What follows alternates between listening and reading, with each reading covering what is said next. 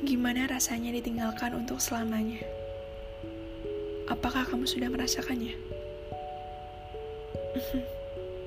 iya, aku sudah. Seperti hancur dan tidak punya tujuan hidup.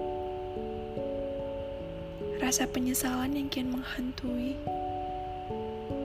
Kenapa saat ia ada, aku tak begitu memperhatikannya? Kenapa aku egois? Sampai ia pergi pun aku tak tahu. Dan mengapa aku tidak menghabiskan waktuku hanya dengannya? Rasanya aku ingin mengakhiri semuanya, bahkan hidupku.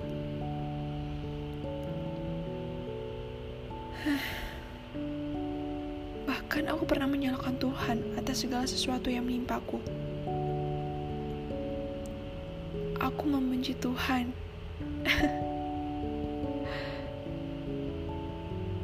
Iya, begitulah.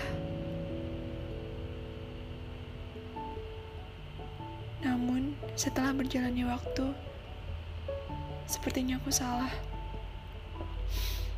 Ini bukan salah Tuhan, tapi ini masalah waktu.